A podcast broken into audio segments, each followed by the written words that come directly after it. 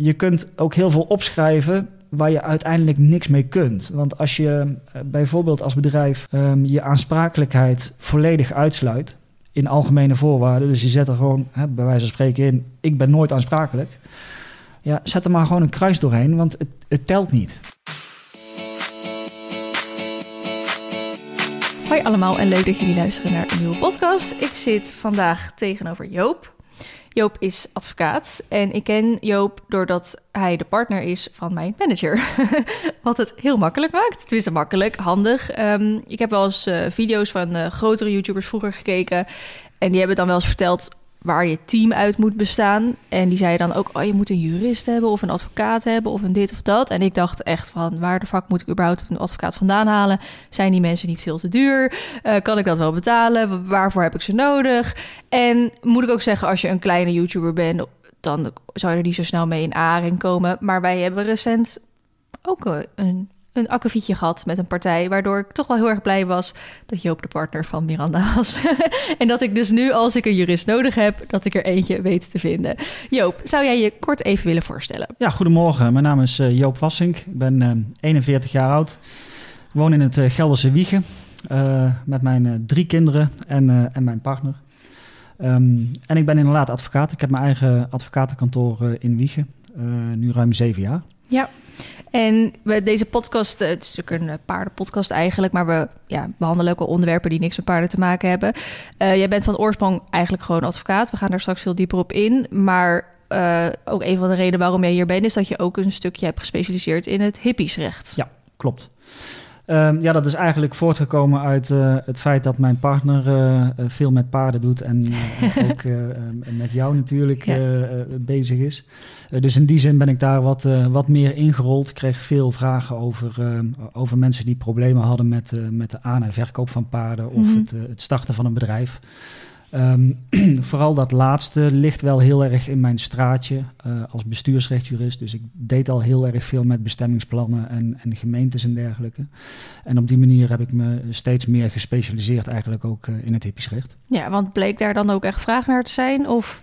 Ja, het is, uh, het is inderdaad wel een, een rechtsgebied waar, um, waar heel veel vragen over zijn... en waar eigenlijk heel weinig advocaten um, echt iets mee doen... Um, dus ja, wat dat betreft um, uh, was dat wel echt een niche om, uh, om, om mee verder te gaan eigenlijk. Ja, ja goeie. Um, laten we even teruggaan helemaal naar het begin. Uh, wat heb jij gestudeerd? Of tussen welke vooropleiding, HAVO, VWO? VWO. -hmm. VWO heb ik gedaan. en ik wilde nooit advocaat worden. Dat was totaal mijn intentie niet. Sterker nog, ik wist eigenlijk helemaal niet wat ik wilde gaan doen in eerste instantie. Um, en uiteindelijk um, uh, heb ik besloten om de hotelschool te gaan doen. Oké, okay, heel iets de anders. Hoge, ja, de hogere hotelschool. Um, ik wilde mijn eigen hotel op uh, Curaçao uh, gaan, gaan, gaan starten. dus ik ben, naar, ik ben naar Leeuwarden verhuisd vanuit Eindhoven. Ik ben geboren in Eindhoven. en ik ben naar Leeuwarden verhuisd om daar de hotelschool te doen. En dat heb ik twee jaar gedaan, althans op papier. Uh, ik denk dat ik een jaar gestudeerd heb en een jaar um, ja, het, het, studentenleven heb, uh, uh, heb bezorgd. Ja, maar hoe kwam je dan bij het idee dat je een hotel op Curaçao wilde starten? Ging je daar dan vaak op vakantie? Of? Nee, totaal niet. absoluut niet. Maar ik, ik vond het, um, het, um, ja, het horecaberoep, het, het, het zorgen voor mensen, het, het, zorgen voor een fijne tijd voor mensen, dat leek mij wel heel erg, heel erg leuk om te ja. doen. Komen je ouders daar dan ook uit? Of? Nee, ook niet. Nee, nee totaal niet. Mijn, mijn vader is, uh, is, is visboer. en mijn moeder was uh, overblijfmoeder op, uh, op de basisschool. Dus oh, ja. verder totaal niks met, met horeca eigenlijk. Mm -hmm. um, en misschien dat dat ook wel de reden is dat het uiteindelijk niks, niks is geworden. Ik weet het niet. Nee. Nou ja, goed, ze zijn ook allebei geen advocaat. Dus nee, dat is dat nee, toch ook weer ergens nee, inderdaad. Ja, dus, um, maar goed, daarna de, ja, dus stopt de hotelschool en moet je wat anders gaan verzinnen. En ze zeggen wel eens, als je niet meer weet wat je uh, wil gaan studeren, dan doe je of de PABO of je gaat rechten studeren. Is dat zo? En uh, nou goed, uh, allebei leuke studies overigens. Maar ehm, ik heb inderdaad gekozen voor rechten. Um, Ook in en, Leeuwarden? Of? Het eerste jaar in Leeuwarden. Er zit geen universiteit in, in Leeuwarden. maar Leeuwarden die had wel een regeling met uh, de Rijksuniversiteit Groningen dat het eerste jaar van de opleiding kon wel in Leeuwarden ah, okay. gevolgd worden. Dus ik mhm. zat daar met een, een clubje van een, een, een man of 15, denk ik, die allemaal in Leeuwarden woonachtig waren en die het eerste jaar daar hebben gedaan. Mm uh, en daarna ben ik inderdaad verder gegaan in, in Groningen en daar de rechtenstudie afgerond. En, daarna het werkzame leven in, eigenlijk. En hoe ziet zo'n studie eruit? Want ik heb er echt geen, en ik denk ook veel luisteraars ook niet, geen verstand van met, want volgens mij is zo'n rechtsstudie echt pittig. Ik heb er niet zo heel veel problemen mee gehad. maar kan jij goed leren dan? Of? ja, blijkbaar. Oh, ja, okay. ja, ik ben um, van nature best lui aangelegd, eerlijk, eerlijk gezegd. Um, maar het, het, is wel zo dat als ik iets lees, dat het eigenlijk meteen blijft hangen. En dat is wel echt een, een groot voordeel als, je, als je rechten studeert. Ja. Want het is allemaal wel hele droge stof. Mm um, het is geen, uh, geen spectaculaire uh, opleiding wat dat betreft. Nee. Um, dus dat geluk, uh, geluk heb ik dan wel. Ja, hoe ziet zo'n opleiding eruit? Hij is, het is nu natuurlijk heel anders met nieuwe structuren. Ja, dat is wel. Mm -hmm. ik, ik heb nog de oude stijl gedaan. En dat is gewoon vier jaar lang studeren en één afstudeerrichting zoeken. Ja, en daar, tussendoor geen stages voor de rest? Uh, nee, ik, dat kan wel, maar heb ik ook allemaal niet gedaan. Okay. Nee, ik heb gewoon vier jaar lang gestudeerd. Vier en een half eigenlijk zelfs. Um, en dan staats- en bestuursrecht heb ik gekozen omdat ik uh, inderdaad het, het, het werk uh, met gemeentes en dergelijke um, wel interessant vond. Ik dacht bij dat je ging zeggen dat je dat leuk vond. Dat kan ik niet voorstellen. Nou, ik wilde altijd, ik wilde altijd bij de gemeente gaan, gaan werken hoor. Ja, dat, dat leek mij wel, um, um, wel interessant. Mm. En een beetje een, een vaste, toch wel een vastigheid. Ja, dat is zo. Ja. Alleen dat werd mij wel uh, ontraden door diverse mensen die, uh, die zeiden, en wil ik ook weer niks uh, um, um, disrespectvol naar Hmm. ambtenaren, maar ze, er werd wel tegen mij gezegd, en ik denk dat er echt wel een kern van waarheid in zit, van je, als je begint bij een gemeente, kom je nooit meer in de advocatuur. Maar als je begint in de advocatuur, kun je altijd heel makkelijk de overstap maken naar een gemeente als je dat zou willen. Oh, oké. Okay. En ik denk dat dat er wel een kern van waarheid in zit. Maar Ja. die stap naar de gemeente heb ik, uh, heb ik nooit meer gemaakt eigenlijk. Oké, en als je dan nou, vier, vier en een half jaar hebt gestudeerd, heb je dan daarna nog een, een master die je kan doen? Of niet voor gekozen? Of... Nou ja, dat is oude, oude structuur is, uh, is gewoon, je bent na vier jaar ben je klaar Oh, oké, en ja. uh, succes ermee. Succes er. Ja. En ben je, toen eer, ben je gelijk voor jezelf begonnen of uh, eerst in het Nee. werkveld? Eh, Eerst in het werkveld. Um, in, in het noorden van het land was het op dat moment heel erg lastig om een, uh, om een baan uh, te vinden. Um, en toen heb ik besloten met mijn, uh, um, met mijn partner destijds om, om weer terug te gaan richting het zuiden. Um, die kwam ook uit Eindhoven? Nee, of? ook absoluut niet. Die, die, die, is geboren in Amersfoort en haar ouders wonen nog steeds in, in Friesland. Hmm. maar zij studeerde ook in, in Leeuwarden, inderdaad. Daar heb ik haar destijds leren kennen.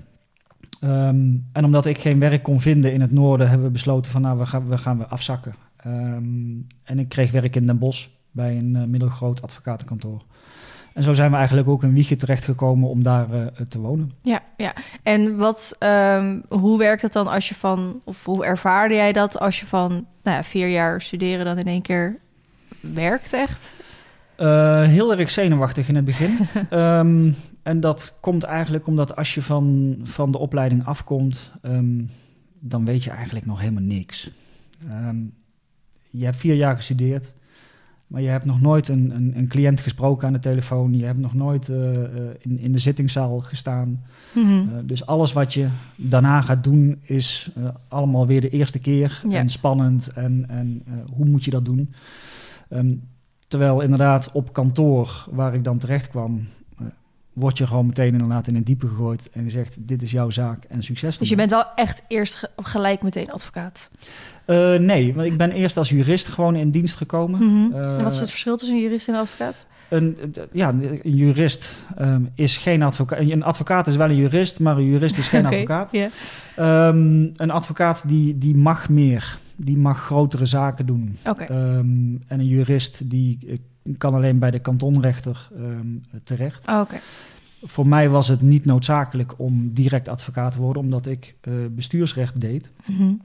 Um, en het, het, hoogste rechtscollege, de Raad van State, daar kun je ook gewoon um, terecht als je geen advocaat bent. Want burgers particulieren mogen dat ook allemaal zelf doen. Dus in eerste instantie was er nog geen noodzaak voor mij om, om advocaat te worden. Um, toen heb ik eerst de opleiding via mijn oude kantoor een, uh, een, jaar, een jaar lang de opleiding bedrijfsjurist gedaan. Um, en pas daarna heb ik de overstap gemaakt naar de advocatuur. Oké. Okay. Okay. En dat kwam eigenlijk doordat mijn uh, toenmalige werkgever dat, uh, ik denk marketingtechnisch, een, een, een betere zet vond. ja, ja, je kunt voor een advocaat kun je toch een hoger tarief vragen dan voor een jurist. Dat is gewoon een feit. Ah, zo ja, zo ja. En wat zijn dan de eerste soort zaken die je hebt gekregen? Of wat is je bijgebleven helemaal aan het begin? Ik kreeg heel veel uh, uh, handhavingszaken. Dus mensen die uh, van, van de gemeente een dwangsom opgelegd kregen omdat ze een, een schuur hebben gebouwd. Ja, omdat ze per ongeluk graafwerkzaamheden in hun tuin hebben uitgevoerd. Dat soort, ja, dat soort zaken, dat waren de, de, de eerste zaken die ik kreeg. En daarna heb ik een heel ander rechtsgebied behandeld op mijn oude kantoor. En dat is de kansspelen. Um, alles met speelautomaten, hallen.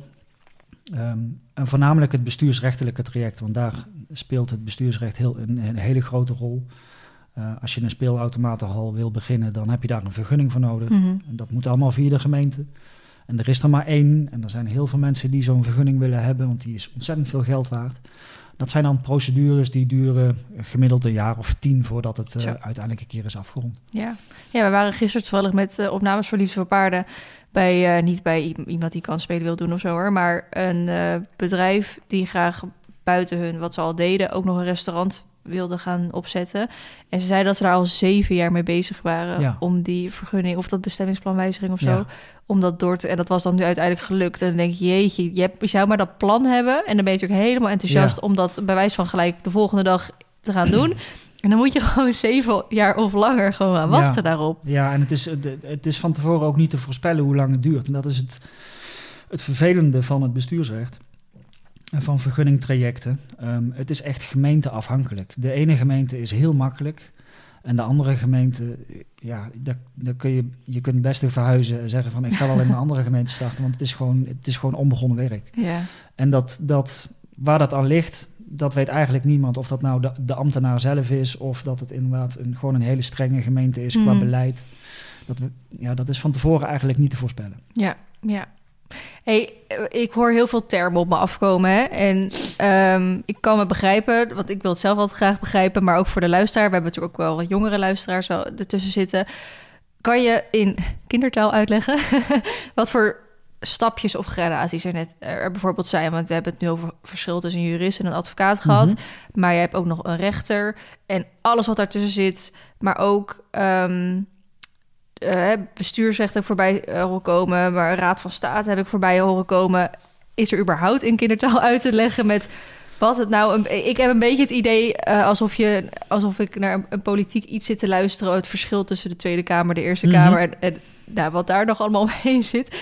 Um, kan je mij een beeld schetsen met hoe het precies opgebouwd is of wat naar wat gaat? Of is het echt zo ingewikkeld dat je denkt, nou... Nou ja, de, ja nou, ingewikkeld voor mij natuurlijk niet. Als, mm. uh, als je kijkt naar het, het gewone um, recht, dus als je een probleem krijgt met um, de buurman of met, uh, met de winkel waar je iets hebt gekocht, mm -hmm. um, dan moet je daar eerst gewoon met de andere, de andere partij uitkomen. Lukt dat niet, dan heb je gewoon de rechter die, uh, die je kunt benaderen. En dan zeg je gewoon tegen die rechter: Ik wil dit. Dus uh, ik kan gewoon googlen naar een rechter en ik kan hem mailen met dit nee, je probleem. Kunt, je kunt, de, de, zo werkt het helaas niet. Je moet echt wel officieel op papier zetten. Dat noemen ze dan een dagvaarding. En die moet dan via. Um, uh, die moet je naar de deurwaarder brengen. En de deurwaarder, um, ja, we, we kennen allemaal de tv-programma wel, de deurwaarder. Um, dat, is, dat is iemand die gaat dat, uh, dat document officieel bij de andere partij brengen en mm -hmm. zeggen: nu moet jij voor de rechter komen. En naar die deurwaarder kan ik wel googlen. uh, ja, ja. Okay. dus je kunt een document opstellen. Uh, dat, dat moet wel volgens een bepaald format moet dat eruit zien. Mm -hmm. Kun je ook googlen. die breng je dan naar de deurwaarder. De deurwaarder die, die kan jou ook helpen om dat allemaal netjes goed gestructureerd neer te zetten. Mm -hmm. Dan gaat het naar de andere partij. En dan krijg je dat terug met eigenlijk met een handtekening van de deurwaarder erop. Mhm. En dat kun je dan naar de rechtbank eh, sturen. Oké, En, en, dan hoe, begint echt de juridische procedure. oké, eh, dus en hoe breng je dat dan bij de rechtbank? Hoe zie ik dat voor me? Dat eh, met de post. Oh, oké. Ja, dat digitaal mag tegenwoordig bij de rechtbanken, maar vroeger ging alles nog gewoon per post. Dus Mhm. je stuurt dat op naar de rechtbank. En op de dagvaarding die de deurwaarder dan heeft gebracht, daar staat ook al een datum op. wa- Waar, eh, op, op welke datum dat de rechtbank dat in behandeling gaat nemen. En eh, vanaf dat moment begint de procedure en dan zegt de rechtbank tegen de andere partij: ehm, jij mag eh, verweer voeren, dus jij mag jouw kant van het verhaal vertellen. Mhm. Maar heb je daar, want je zegt dat dan begint het juridische, heb je daar dan ook allebei een advocaat voor nodig? Of kan je dat in theorie gewoon zelf? Vorderingen tot eh, 25.000 euro ehm, kun je in principe zelf doen, heb je geen advocaat voor nodig. oké. Als het boven de 25.000 euro uitkomt in, in, in, ja, in consumentenzaken, noem ik het dan maar, Mhm. ehm, dan heb je wel een advocaat nodig. Ehm, maar anders kun je, kun je het in principe zelf. Maar ik snap best dat mensen zeggen, joh, dat gaat me allemaal boven de pet. Want je zegt al, ja, dan moet ik iets op papier zetten en naar een deurwaarder en naar een rechtbank sturen. Dus het is, wel, het is wel aan te bevelen om daar toch juridische hulp voor te zoeken. Maar dat hoeft dus niet altijd per definitie een advocaat Ja. En dan, ehm, dit is het voorbeeld van een eh, consumenten. eh, Ja. Maar dan heb je natuurlijk nog heel veel andere, maar dat is allemaal. Ja, je, als, je, als we het dan weer eh teruggaan naar dat andere vergunningen met gemeentes en dergelijke. ehm, daar werkt het eigenlijk precies hetzelfde. Je vraagt een vergunning aan en die wordt afgewezen door de gemeente. Dat noemen ze dan een besluit en daar kun je dan bezwaar tegen maken. Mhm. Ehm, dat kun je zelf gewoon op papier zetten. Ik heb een besluit gekregen, ik ben het er niet mee eens. Want stuur je op naar de gemeente. Mhm. Dan krijg je uiteindelijk daar een, eh, een beslissing over. Dat noemen ze dan de beslissing op bezwaar. Ehm, en als je het daar nog steeds niet mee eens bent, Kan je een dan kun je, naar, nee, dan kun je in beroep bij de rechtbank weer. Maar dat is dan een andere rechtbank. Maar daar werkt het eigenlijk precies hetzelfde. Op papier zetten waarom dat je het niet mee eens bent. En naar de rechtbank sturen. Daar hoeft geen deurwaarder te komen. Mhm.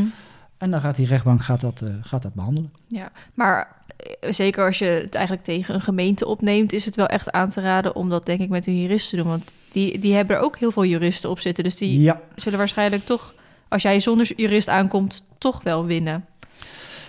Of tenzij je Mm. zelf heel goed bent in het uitzoeken. Nou, dat, is niet, dat zou niet mogen, laat ik het zo zeggen. Mhm. Als jij eh, het zelf doet en je hebt hele goede argumenten, ehm, dan moet die rechter daar gewoon naar kijken. En dan maakt het eigenlijk niet uit of dat de gemeente Pietje Puk stuurt, of een hele dure advocaat, of een hele dure jurist. Mhm. Dat moet, moet eigenlijk niet uitmaken. Het probleem is vaak wel dat als er aan de andere kant een jurist of advocaat zit, dat er vaak wordt gestrooid met, met, met ingewikkelde termen Ja. waar jij als leek van denkt, ik heb geen idee waar het over gaat. En dat je daar dan niet goed op reageert. Dat, Ja. dat is wel het risico wat je loopt. Ja, ja.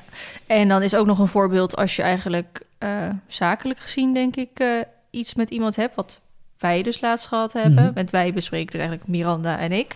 Ehm, ik heb een samenwerking gehad met een bedrijf. Nou, ik ben natuurlijk ondernemer. Ik, ik ben een bedrijf en dat bedrijf was een bedrijf vanzelfsprekend. En ehm, we hebben afspraken gemaakt. Volgens mij staan die ook zwart op wit. Ehm, ik heb het uitgevoerd wat voor die samenwerking nodig was. En dan moet de partij gaan betalen, want dat moeten ze voor een samenwerking. En dan wordt er dus niet betaald. En daar zijn natuurlijk eerst heel veel mailtjes overheen gegaan en heel veel valse beloftes. Tot op een gegeven moment Miranda dacht: ik ben er klaar mee. Ik ga Joop inschakelen. Met toestemming van mij natuurlijk. Ehm, wat, ho- hoe, hoe, hoe dan verder? Hè? Als ik dus een probleem heb, dan eh, kan ik dan ook zo'n deurwaarder of zo? Of, of is het omdat dit dan zakelijk is, moet ik gelijk naar een jurist stappen? Of moet... Nee, je, daar geldt eigenlijk hetzelfde voor. Omdat het een, om, als het relatief kleine vorderingen zijn, kun je daar ook ehm, eh, zelf voor gaan procederen. Ehm, wat in ieder geval goed is gegaan, alles staat op papier. Dat is in ieder geval prettig. Ehm, en probeer er inderdaad gewoon uit te komen. Dus blijf in overleg. Dat is ook gedaan. Valse beloftes gemaakt eh, van we gaan betalen. En, en om deze reden is er nog niet betaald en om die reden. Ehm, uiteindelijk houdt het natuurlijk een keer op. En zeg je, ja, eh, eh, valse belofte nummer 435. Ja. eh, het is nu wel een keer mooi geweest. En dan ontkom je er eigenlijk niet aan om toch een jurist in te schakelen. Ehm, niet omdat dat verplicht is, maar omdat het vaak werkt. Ehm, je kunt meteen naar de rechtbank zelf. Maar dat is voor, voor die bedragen vaak ook. eh, Ja, welke wat voor bedragen moeten we denken dan? ja, als je, als je het hebt tot facturen eh, van, van 2000 euro. ehm, je moet ook griffierecht betalen bij de rechtbank. En je moet dan via een deurwaarder. En dat, dat kost ook 130 euro of zoiets, of 140. Ehm, en het kost heel veel tijd en energie. Ehm, Dus dan loont het het eigenlijk. loont eigenlijk niet. Dus het kans is aanwezig dat die partij die het niet wilde betalen, gewoon dacht. Ehm, ja, zover gaan ze het niet laten komen. Juist, want dat kost hun te veel geld Ja. en energie. Dus waarschijnlijk denken ze, nou, laat maar. En dat kan ook nog eens zijn dat die, dat, dat bedrijf wel vaker zo met anderen heeft gewerkt. En dat dat eigenlijk zijn manier van. Nou, ik, eh, ik, ik ga altijd wel uit van het, eh, van het goede van de mens. Dus ik, eh, ik, ik hoop dat bedrijven zo'n structuur niet hebben. Maar het, het komt gewoon inderdaad voor dat er bedrijven zijn ehm, die deze handelwijze wel hebben. Ehm, en dat, dat neigt gewoon naar oplichting. Ja. Ehm, en voor, voor, voor tien mensen waar ze dit mee uithalen, als het daar bij negen eh, wel lukt en bij één niet, dan hebben ze waarschijnlijk nog steeds eh, winst Ja. onderaan de streep. Het is zo. Dus op dat moment, als je dan een jurist inschakelt, dan laat je in ieder geval zien aan de andere partij dat het, dat het je menens is. Ja. En dat is vaak al genoeg druk om eh, die partij dan toch te bewegen Ja. om, om over te gaan tot of betaling of levering of waar het allemaal Ja. precies om gaat. Nou, dat was hier volgens mij nog niet, toch? We hebben, eh, jij had een mail gestuurd. Ja, ik had wel of een officiële eh, sommatie noemen ze dat. Dus dat is een, een, een brief waarbij ik zeg van nu is het klaar. Wij hebben, eh, mijn cliënt heeft eh, aan haar verplichtingen voldaan. Nu is het jouw beurt. Mhm. Eh, en doe je dat niet, dan gaan we wel naar de rechtbank. Dat Ja. stond er eigenlijk min of meer in. Mhm. En dat was inderdaad genoeg om, om de andere partij te bewegen om inderdaad ook aan de verplichtingen te voldoen. Ja, toen konden ze in één keer wel heel snel betalen. ja, ja, ja, zo gaat dat. Zo gaat dat. Ja, dus dan is het toch wel fijn om iemand te, nou te kennen. Als dat niet in je kenniskring zit, dan zijn er genoeg advocaten of juristen waar je kan aankloppen, denk ik, met zo'n probleem. Om dat toch gewoon eh, op te lossen. Absoluut. Ehm, jij hebt toen eh, in het nou, werkveld ben je bezig geweest. Eh, ben je toen op een gegeven moment gewoon gaan denken... ik ga voor mezelf beginnen? Of zit- zitten er ook nog tussenstappen in? Oeh, dat is, dat is iets wat eigenlijk geleidelijk ehm, gebeurt. Ik ben negen jaar, denk ik, werkzaam geweest bij dat andere kantoor. Ehm, en een van de, denk toch wel een kenmerk van een advocaat is dat hij vreselijk eigenwijs is. Ehm, en het gewoon beter weet Ja, eh, dan anderen. Ehm, dus er komt een moment dat je inderdaad denkt van joh, blijf ik hier nu zitten of ga ik naar een andere werkgever toe? Ja, die andere werkgever is precies hetzelfde wat dat betreft. Ehm, en dan komt er inderdaad een moment dat je denkt, joh, ik, ik wil het op mijn eigen manier doen. En dan gaat het nog niet eens zozeer om, eh, om, om het geld, maar gewoon de manier waarop je zaken behandelt, de manier waarop je met, eh, met je klanten omgaat. dus als jij binnen een kantoor werkt... moet je dat nog steeds volgens de kantoorregels doen... en niet omdat jij... Strikt, strikt juridisch genomen ehm, eh, hoef ik aan niemand verantwoording af te leggen. Ehm, omdat je als advocaat een eigen verantwoordelijkheid hebt. Die ook gesanctioneerd kan worden als ik het niet goed doe. Dan krijg ik gewoon de, de, de klacht ehm, die bestraft kan worden. Maar daar zit een spanningsveld natuurlijk tussen de relatie tussen mijn directeur en mij als collega's, advocaten. Ja. En eh, tussen mijn eh, directeur als werkgever en ik als werknemer. Ja. Dus eh, strikt juridisch kan hij niet zeggen: Joop, je moet die zaak zus en zus en zo doen. Mhm. Maar als werkgever wil hij dat wel graag. Ja. En daar zit een spanningsveld en, en, en ja, daar werd ik op een gegeven moment niet, niet blij van. Mhm. En toen heb ik uiteindelijk de, de beslissing gemaakt om inderdaad eh, te zeggen, ik, eh, ik stop hier. Ehm, en eigenlijk meteen voor mezelf begonnen inderdaad. Ja. Daar zat, eh, zat heel weinig tijd tussen, ja. Ja, en wat, wat heeft jouw voor- voorkeur om te behandelen? Of, of, of neem je alles aan waar mensen naar jou toe komen? Ik doe vooral ehm, ehm, nog steeds het bestuursrecht. Dus alles met gemeentes, handhaving, bestemmingsplannen. Ehm, heel veel civiel recht inderdaad. Dus dat zijn uh, zaken tussen bedrijven onderling. Alles met overeenkomsten. Uh, of het nou inderdaad om paarden gaat of auto's of dat soort zaken. Um, zie heel veel in mijn praktijk nu um, zaken met betrekking tot aannemers. Die uh, hun werk niet goed hebben gedaan. zowel vanuit de aannemer als mijn klant als de, de consument. Um, en heel veel huurrecht doe ik ook nog, eigenlijk. Um, dus daar ligt eigenlijk wel een beetje de, de focus. Ik doe bijvoorbeeld geen. Um, ja, als ze mij vragen van wat, wat, wat doe je zowel? Ja, ik ben heel algemeen uh, opgeleid ook. Mm -hmm. ik doe alles zolang ik voel dat ik de klant kan helpen. Ja. Als het te ingewikkeld wordt, dan ben ik de eerste die tegen mijn klant zegt: hou stop, dit gaat mij, uh, uh, mijn specialisme te boven. Mm -hmm. um, en dan verwijs ik door. Ja. En wat ik gewoon absoluut niet doe, is uh, personen- en familierecht. Dus alles wat met scheidingen te maken heeft en omgangsregelingen met kinderen. En strafrechten doe ik niet.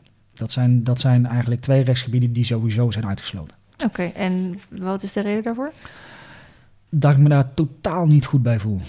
Um, ik vind dat iedereen heeft recht op een advocaat. Uh, in het strafrecht bijvoorbeeld, als we daar naar kijken, iedereen heeft recht op een advocaat. We kennen natuurlijk allemaal Ridwan Taghi. Um, ik vind het heel goed dat... Moet je daar een Paul Moscovici denken of zo? ja, nou, ik vind het heel goed dat er, uh, dat er uh, advocaten zijn die dat soort zaken um, uh, behartigen. Maar ik, ik zou dat gewoon niet kunnen. Ik, ik kan dan niet s'avonds, als ik mijn tanden aan het poetsen ben... mezelf aankijken in de spiegel oh, en ja. denken... ik heb het vandaag lekker gedaan. Ja. Terwijl je misschien een crimineel hebt geholpen. Ja, ja. Of iemand die zijn vrouw slaat, of iemand, weet ik ja. wat.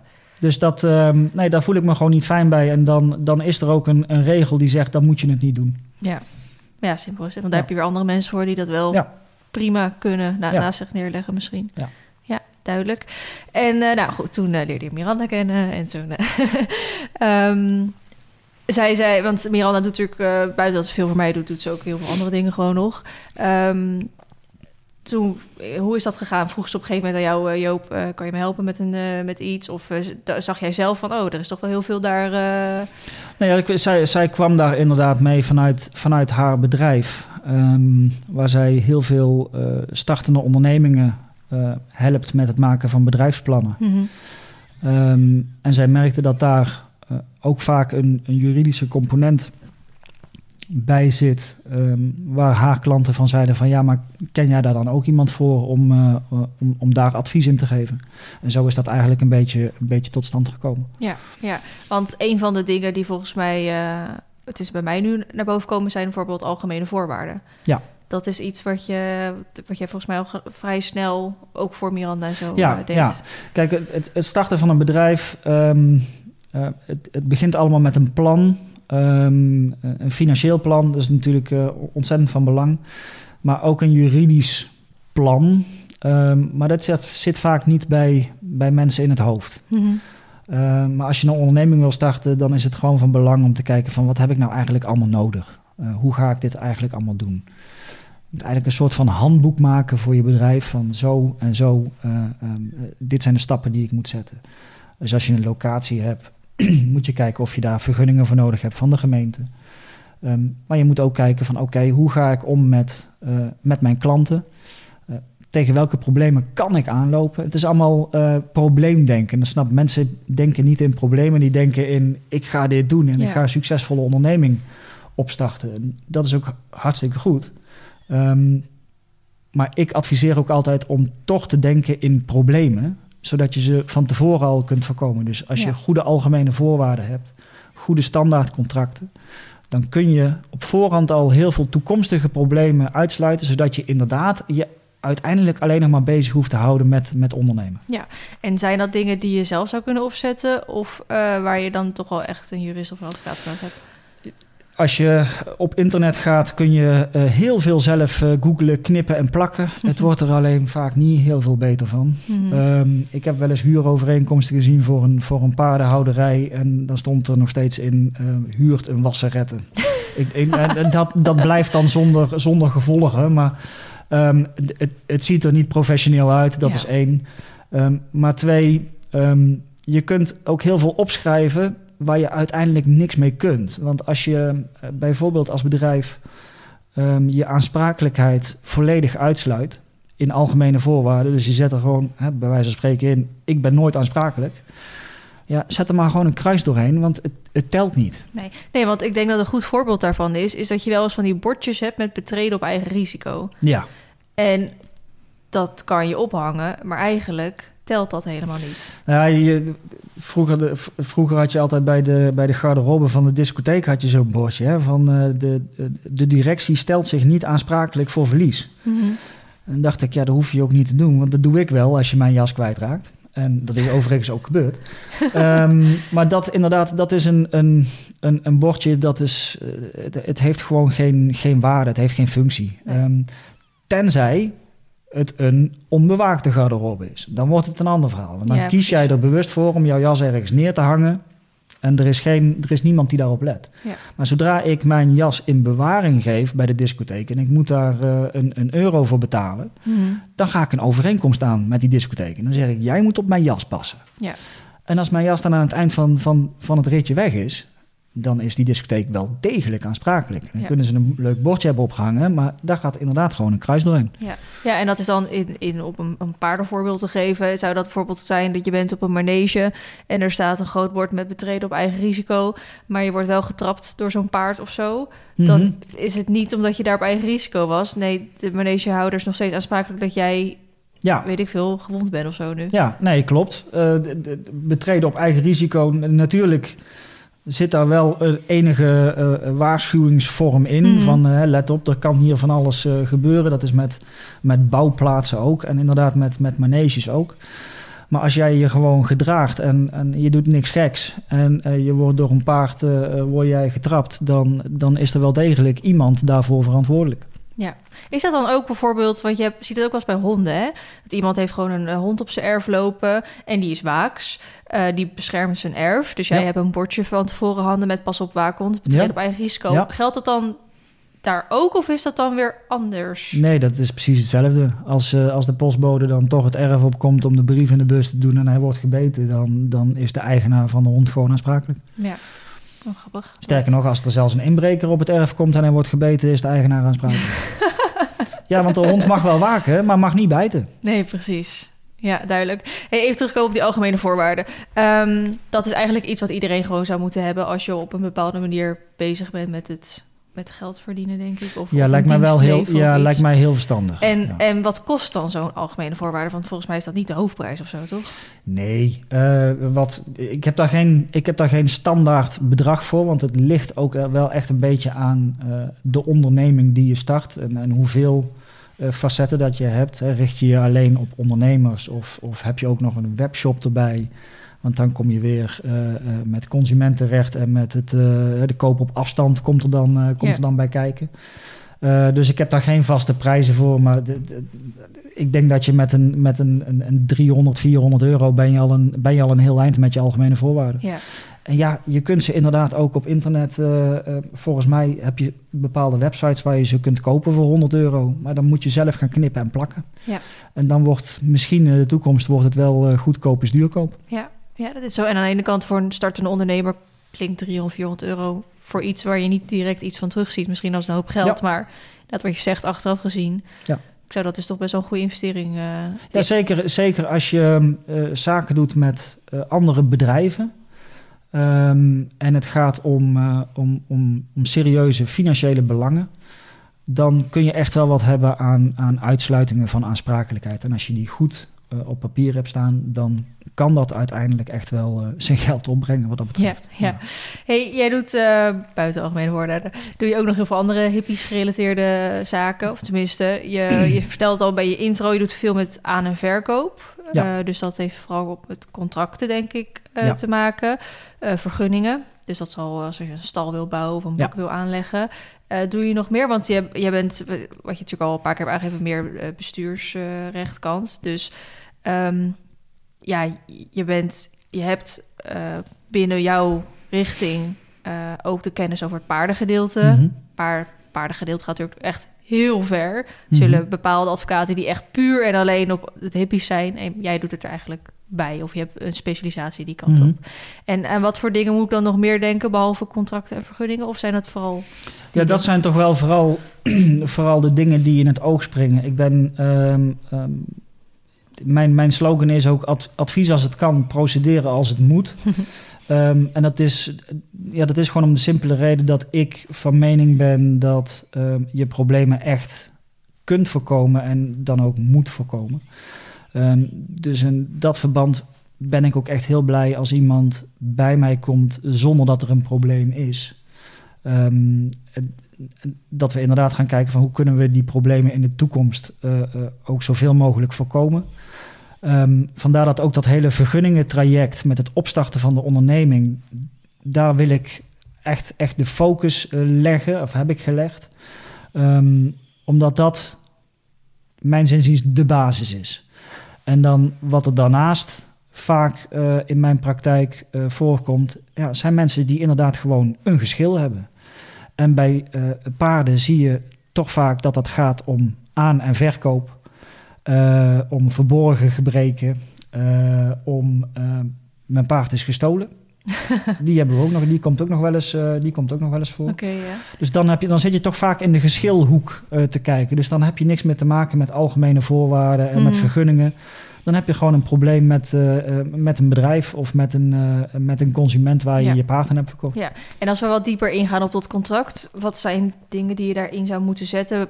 Ben je verplicht om een contract te nemen? Wanneer kies je daarvoor? Nee, je bent absoluut niet verplicht om een, om een, een schriftelijk, schriftelijke overeenkomst te maken. In Nederland bijna, bij bijna alle eh, zaken is een mondelinge overeenkomst net zo rechtsgeldig als een schriftelijke. Er zijn een aantal uitzonderingen, maar goed, dat gaat misschien hier iets te ver. Bijvoorbeeld het kopen van een huis moet schriftelijk. Oh ja.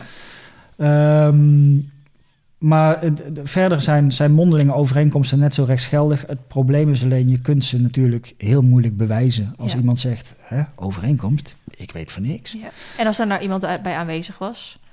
Ja, dan heb je een getuige. Ja. Eh, en dat kan, dat kan eh, genoeg bewijs zijn. Alleen, ja, dan kom je toch wel vaak meteen in de richting van een procedure.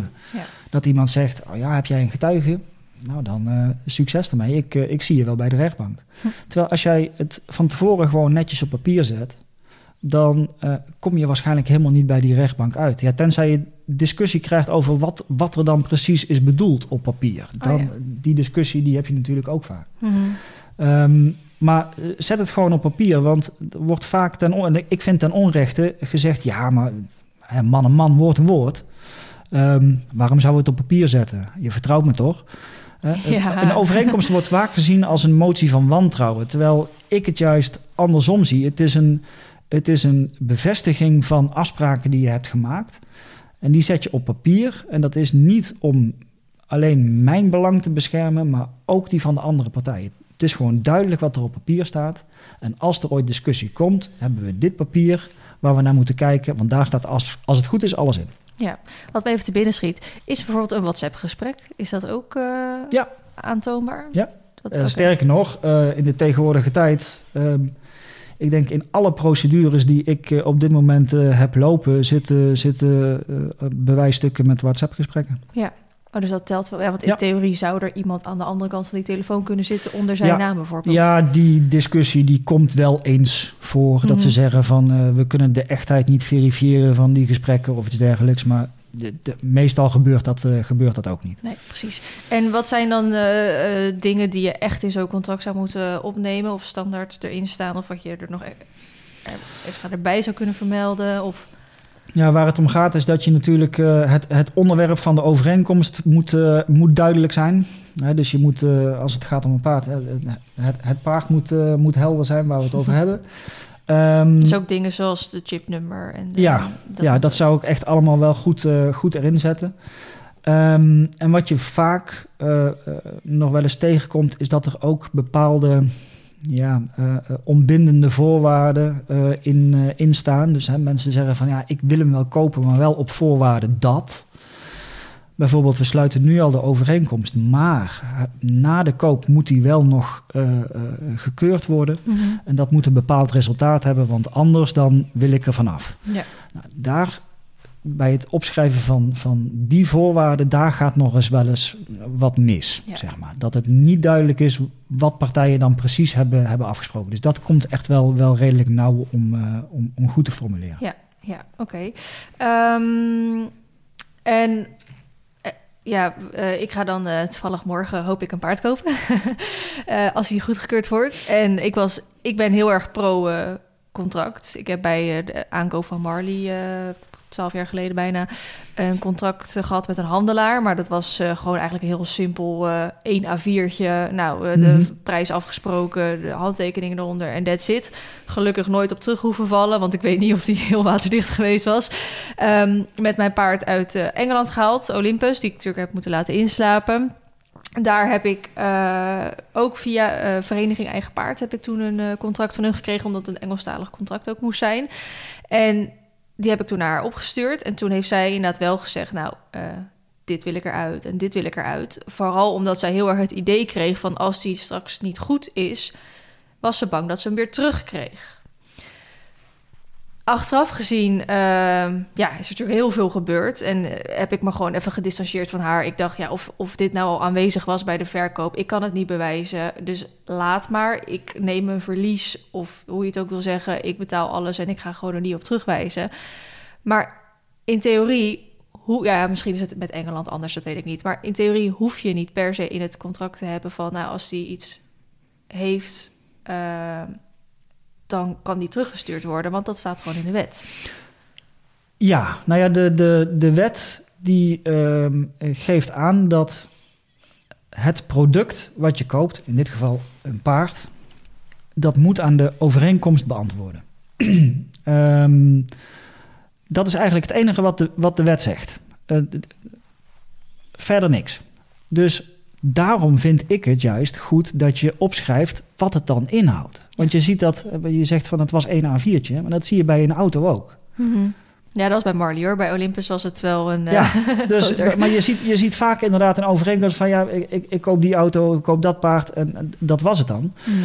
Ehm, terwijl de vraag is, waar, waar koop je hem voor? Wat, wat verwacht jij als koper van, van die zaak eh, die jij koopt? In dit geval het paard. Ga je daar wedstrijden mee rijden? Wordt het een manegepony? Ja. Eh, noem het dan maar op. Want daar krijg je discussie. Want op een gegeven moment dan blijkt dat paard iets te hebben. En jij zegt, nou, dat is een verborgen gebrek. We wisten het allemaal niet. Maar ik vind dat eh, als, als koper vind ik dat, eh, eh, dat eh, het paard dus niet aan de overeenkomst voldoet. Want hij Mhm. heeft dit gebrek. En dan zegt de verkoper, ja, maar jij hebt hem gekocht als manegepony. En daar is die uitermate geschikt voor nog steeds, met gebrek. Ja. Dus dat gebrek is dan juridisch geen gebrek. Ja. En dan zeg jij, nee, want ik heb hem gekocht als wedstrijdpaard. Maar dat staat dus niet op papier. Nee. Dan Nee, krijg je dus ja, discussie. Het kan zijn dat iemand bijvoorbeeld op Marktplaats aanbiedt... leuke manegepony. Ja. En jij koopt die. En je wil er wedstrijden mee gaan rijden. En dan bleek hij, hij heeft iets waardoor dat niet gaat. Maar wel geschikt als manegepony. En je Ja. zegt, ja, ik wil hem teruggeven aan je. Want ik kan er niet mee wedstrijd rijden. En dan zegt die persoon, ja, maar ik heb hem aangeboden als manegepony. Zo heb jij hem van me gekocht. Met dat gebrek kan die gewoon manegepony zijn. Dus je hebt gewoon pech. Ja, daar komt het eigenlijk, daar komt het eigenlijk wel op neer. Dus het, het, het gaat erom wat partijen samen voor ogen hadden. Dus het is niet alleen wat die, wat die verkoper voor, voor ogen heeft. Kijk, als, als die verkoper weet dat jij het als, eh, eh, als wedstrijdpaard wil gaan gebruiken, dan is hij ook wel verplicht om te zeggen: ja, dat gaat met, dat gaat met dit beestje niet lukken. Mhm.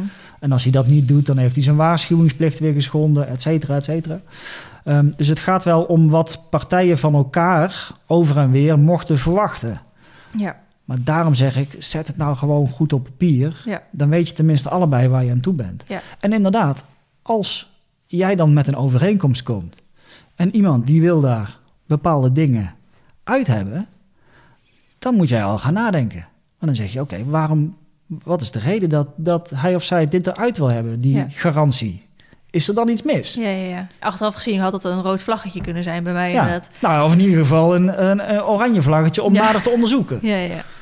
Ja, ja. En dan hebben we natuurlijk ook eh, nog iets best wel belangrijks... is dat je als eh, consument zes maanden garantie hebt. Zeg ik het zo goed? Uh, nee. Oh. nee, je hebt, um, um, dat, dat heeft te maken inderdaad met voldoet het paard aan de overeenkomst. En de wet die heeft een, een, een vermoeden opgeschreven om de consument te beschermen. Dus de wet die zegt als een binnen zes maanden na de aankoop zich een gebrek voordoet, openbaart, dan wordt dat gebrek al geacht aanwezig te zijn geweest bij de aankoop. Dus dan hoef jij als consument niet meer te bewijzen dat het paard dat gebrek al had toen jij het kocht. Mhm. Want dat is wel het moment waar het om gaat. Ja. Want het moet op dat moment aan de overeenkomst voldoen. Kijk, als, als het paard daarna een, een ongeluk krijgt en een gebrek heeft, ja, dan kun je dat die verkoper niet, meer, eh, Nee. eh, niet meer tegenwerpen. Nee. Dus de wet die komt de consument tegemoet door een, een, een vermoeden te construeren. En dan is het aan de verkoper om aan te tonen dat het anders is. Dus al met even als voorbeeld. Ik vind dat fijn om als het wat eh, technischer wordt, wat voorbeelden te geven. Een vriendin van mij die had een pony gekocht van een handelaar. Dus zij als particulier koopt bij een ondernemer, zakelijk denk Mhm. ik. En klinische keuring laten doen, was hij goed op. Voor gekozen om geen röntgenkeuring te doen. Na drie maanden komen er toch wat dingetjes naar boven. Hij gaat eh, vaak onregelmatig lopen. Nou, eh, wat, ze heeft ook wat kosten gemaakt eh, daarom. Ehm, uiteindelijk naar de dierenarts gegaan, röntgenfoto voor de zekerheid laten maken. En dat blijkt gewoon goed mis te zijn. En ook wel zo mis, dat is niet binnen drie maanden gebeurd. Ik weet van haar dat ze toen een jurist heeft ingeschakeld om, zich, om dat dus aan te gaan. Maar we hebben natuurlijk van tevoren even nog gesproken. Eigenlijk had ze dat niet eens hoeven doen. Want eigenlijk waren die foto's al genoeg om te zeggen: hé, hey, er was een verborgen gebrek.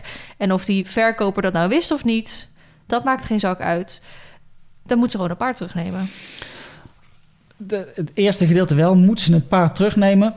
dat is dan de vervolgvraag die niet altijd meteen eh, met ja beantwoord wordt. Mhm, Dat heeft wederom te maken met hoe is het paard verkocht? mhm. Waren er misschien toch al signalen dat er iets eh, mis was? Je hebt als verkoper eh, of als koper, want ik hoor jou zeggen, ze heeft wel een, een klinische keuring gedaan, maar geen röntgen heeft ze besloten. Na, na de klinische keuring, nou, het ziet er goed uit, ik doe geen röntgen. Mhm. Dat is een bewuste keuze.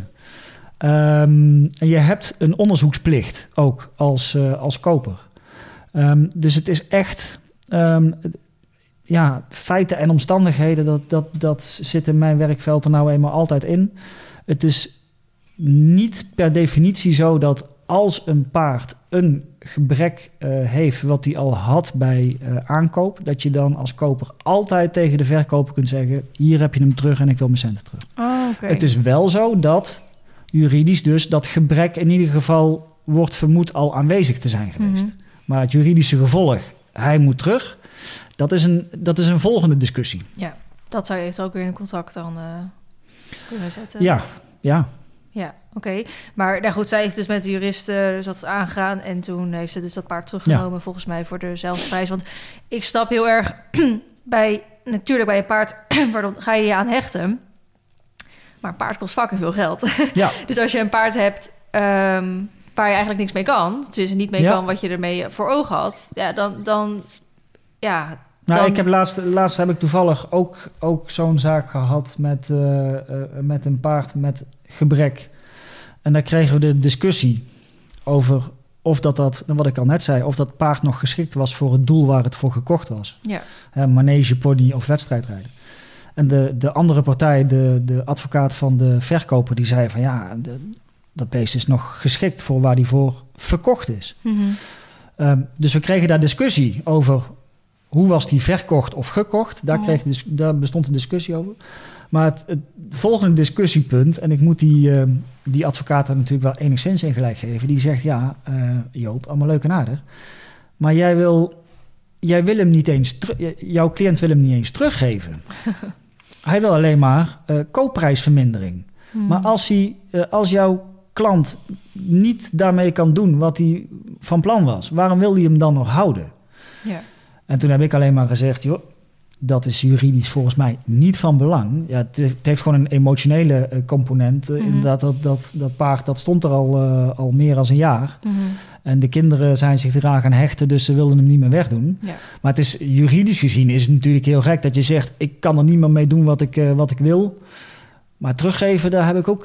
dus Ja, ik, ja. ik snapte de vraag wel. Maar juridisch gezien doet dat niet ter zake. Juridisch gezien hebben wij hem gekocht als wedstrijdpaard. Dat kan nu niet.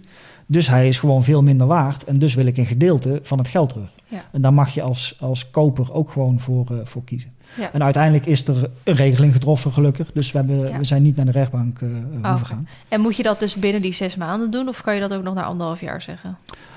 Je kan het ook nog na anderhalf jaar zeggen. Alleen dan krijg je de discussie. Dan geldt dat wettelijke vermoeden niet meer. Dus dan Mhm. moet jij inderdaad als koper aantonen... dat op het moment van aankoop dat dat gebrek er al was. En Ja. hoe langer de tijd verstrijkt, hoe, Hoe moeilijker moeilijker, dat dat natuurlijk is. Ja, want, want zoiets zou misschien wel, hè, als het eh röntgentechnisch is, dat zou... Kijk, binnen drie maanden is het logisch dat er misschien nog niet zo'n verandering plaatsvindt. Maar binnen een paar jaar Ja, natuurlijk wel. ja.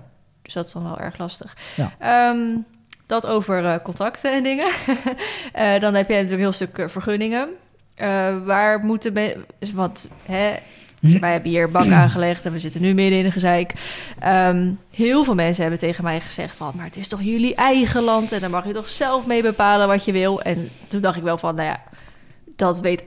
De meeste mensen weten wel dat dat niet zo zit. Want je hebt gewoon bestemmingsplannen en je hebt gewoon Ja. eh, regels en dat soort dingen. Dus nee, het is niet zo. Je hebt een stuk land en je mag... Kijk, want een bak is dan nog niet zo heel erg, hè. Maar ik kan ook zeggen, ik wil hier een eh, appartementencomplex neerzetten. Ik zeg Mhm, maar wat. mhm. Ja, dan, dan eh, snapt iedereen dat je dat niet zomaar mag doen. Dus er zijn gewoon bepaalde soort regels. Hoe zit dat? Ja, tip van de dag inderdaad. Er zijn bestemmingsplannen en je kunt ze zelf gewoon inzien. Ja. Ehm, www.ruimtelijkeplannen.nl Zoek op je adres en eh, je hebt alle regels te pakken. Ja. Het vervelende is dat je eh, vaak heel erg geschoold moet zijn om nou echt goed te lezen wat er, eh, wat er staat. Mhm. Ehm, maar daar staat in principe alles in. En, en je geeft terecht aan van ja, als het gaat om een appartementencomplex bouwen, dan snappen we allemaal dat dat niet zomaar mag. En, maar bij een bak is dat niet zo vanzelfsprekend. Terwijl het eigenlijk hetzelfde is. Juridisch gezien maakt het namelijk niet uit of ik een appartementencomplex in de achtertuin wil bouwen of een paardenbak wil aanleggen. Ja. Het is bouwen. Ja. En voor bouwen heb je eh, eh, een vergunning nodig, vaak. En wanneer wel en wanneer niet, dat staat allemaal in het, eh, in het bestemmingsplan. Want, ja, ik weet niet of jij daar het fijne van weet, maar bij een, een bak is het soms ook nog best wel eens tussen de regeltjes doorlezen, als in als hij geen leegmasten heeft of als hij geen Ja. bakletters heeft, Ja. de afmeting, Ja. de hoogte van, de, van het Ja. hek. Sommige mensen hebben ook al gezegd tegen mij, Hm? joh, als je hem net en een normale bak heeft een 20 bij 40 afmeting. Als je hem 9, 19 bij 39 maakt en je doet er geen bakletters omheen, Mhm. dan is het geen bak, dus heb je geen vergunning nodig. Ehm, nou, dan moet je een gemeente hebben die, eh, die eh, niet zo moeilijk is. Nee, kijk, het- wat vaak ook voorkomt in bestemmingsplannen is dat ehm, eh, paardenbakken gewoon daarin benoemd staan. Ja. Of expliciet verboden zijn zelfs. En dat komt omdat. ehm, misschien heeft dat wel te maken met het feit dat het voor heel veel mensen niet zo vanzelfsprekend was. Dus die paardenbakken werden overal aangelegd, Mhm. inderdaad met lichtmasten. Mhm. En uiteindelijk heeft, eh, eh, hebben gemeenten gezegd van ja, maar dit is niet de bedoeling. En die komen dan bij die mensen en die mensen die zeggen, oh, ik, wel, ja, ik was er helemaal niet eh, van op de hoogte dat dit niet mocht. Want het is Mhm. vaak niet dat ze bewust de regels overtreden. Mhm. Maar ze denken, ja, als ik een trampoline in mijn tuin mag graven, dan mag ik toch ook wel een, een, een, een hek neerzetten waar dat paard in, in staat. Ehm, dus vandaar dat er heel veel gemeentes met, met heel veel buitengebied ehm, daar echt expliciet eh, regels voor hebben opgenomen. En ehm, het slaan van, van een hekwerkje in de grond is gewoon bouwen, juridisch gezien. En dan hebben we het wel volgens mij over een echt hekwerk. Dus bijvoorbeeld eh, paaltjes met draad. Dat wordt volgens mij... Paaltjes met draad is bouwen. Ja, zodra duurzaam, ja, duurzaam met de grond verbonden, dan, dan zit je gewoon in de categorie bouwen. En afmetingen staan volgens mij niet in het bestemmingsplan van paardenbakken. Dus die, eh, die, die uitzondering van nou, als ik hem een metertje kleiner maak, dan is het geen paardenbak. Dat, dat, dat, dat zou ik niet doen. Eh, want de, de kans is gewoon aanwezig dat je hem daarna gewoon eh, moet, moet afbreken als, ze als ze langskomen. En dat hoeven ze ook niet binnen een maand te doen. Sterker nog, als ze langskomen rijden van de gemeente en ze zien die bak en ze groeten je, dan hoef je echt niet te denken van nou, nou mogen ze niet meer komen. Mhm. Want dat mogen ze ook gewoon na een jaar of vijf nog doen. Eh, handhaving verjaart niet. Ehm, ik heb eh, eh, ooit een keer ehm, op het Rembrandtplein in Amsterdam. Daar moesten alle reclameuitingen van, van de gevels af. Ehm, en toen zei ik tegen de gemeente: Ja, maar dat zit er al een jaar of zeventig. En zeiden ze: Ja, dat klopt. Maar nu moet het eraf. Dus Mhm. er, zit, er zit voor de gemeente geen, geen dwang om direct op te treden. Vaak hebben ze daar ook gewoon de, de capaciteit niet voor. Dus Nee. ze laten het wel voor wat het is. Maar op het moment dat jouw buurman, bij wijze van spreken, anoniem een melding doet bij de gemeente en zegt van... Hey, Vliene heeft een bak aangelegd, mag dat? Dan zijn ze verplicht om daar eh, tegen op te treden. Ja, wat dus bij bij ons eh, met de graafwerkzaamheden is gebeurd. Ehm, en voor stallen en zo, dat geldt denk ik hetzelfde. Want eh, het kan natuurlijk zijn dat er in het bestemmingsplan staat... nou, dat is agrarisch en dat is bouwvlak. En je wilt buiten het bouwvlak gaan bouwen. Ja. Wat dan? Ja, ook daar, eh, er zijn bestemmingsplannen waarin staat dat je buiten het bouwvlak mag bouwen met vergunning. Ehm, dus het feit dat er geen bouwvlak is of dat je iets buiten het bouwvlak wil doen, wil niet per definitie zeggen dat het, eh, dat het absoluut niet kan. Mhm. Alleen de kans is heel erg groot dat je gewoon wel via de gemeente moet om daar een, eh, een, vergunning, eh, een vergunning voor aan te vragen. Ja. Ja. Dus het is, ja, als je iets wil, ehm, is het altijd zaak om het bestemmingsplan te bekijken van, en te kijken wat zijn de regels. Ehm, en als je niet zeker bent, een, een, een gemeente is geen rechtbank. Ehm, dus je kunt ook gewoon een briefje sturen naar de gemeente eh, en je plan kenbaar maken. En een, een soort van vooroverleg, aan, voor, ja, de ene gemeente noemt het vooroverleg en de andere noemt het een principebesluit vragen. Mhm. Ehm, maar je kunt het gewoon aanvragen. Het kost bijna niks. En dan weet je al hoe de gemeente erin staat. Ja. En als je zegt van ja, maar dan maak ik slapende honden wakker, want dadelijk mag het niet. Mhm. Ja, maar ja, nee is ook een antwoord. Ja. En ik heb liever dat je van tevoren nee te horen krijgt, zodat je kunt kijken hoe kunnen we dan voor zorgen dat het wel kan. Mhm. In plaats van dat je denkt, nou, ik leg het maar gewoon aan. En ik zie wel wat er gebeurt. En dat je over een jaar of drie de gemeente op de stoep hebt met, met een dwangsom van, van 20, 30.000 euro. En Mhm. dat je het binnen een maand allemaal moet afbreken. Ja, ja. Ja, precies. En ehm, nou, laten we even terugkomen op eh, een, eh, een rijbak. Wat zijn daar de meest voorkomende dingen? Dus bijvoorbeeld hier zo was het dat het dan 50 meter van omwonenden moest afliggen. Ja. Dat is volgens mij redelijk standaard. Dus de andere gemeente was ook wel eens 30 meter volgens mij. Ja. En, ja. en lichtmasten mogen maar zoveel meter hoog zijn... of mogen überhaupt niet aanwezig. Een hekwerk moet zo hoog zijn.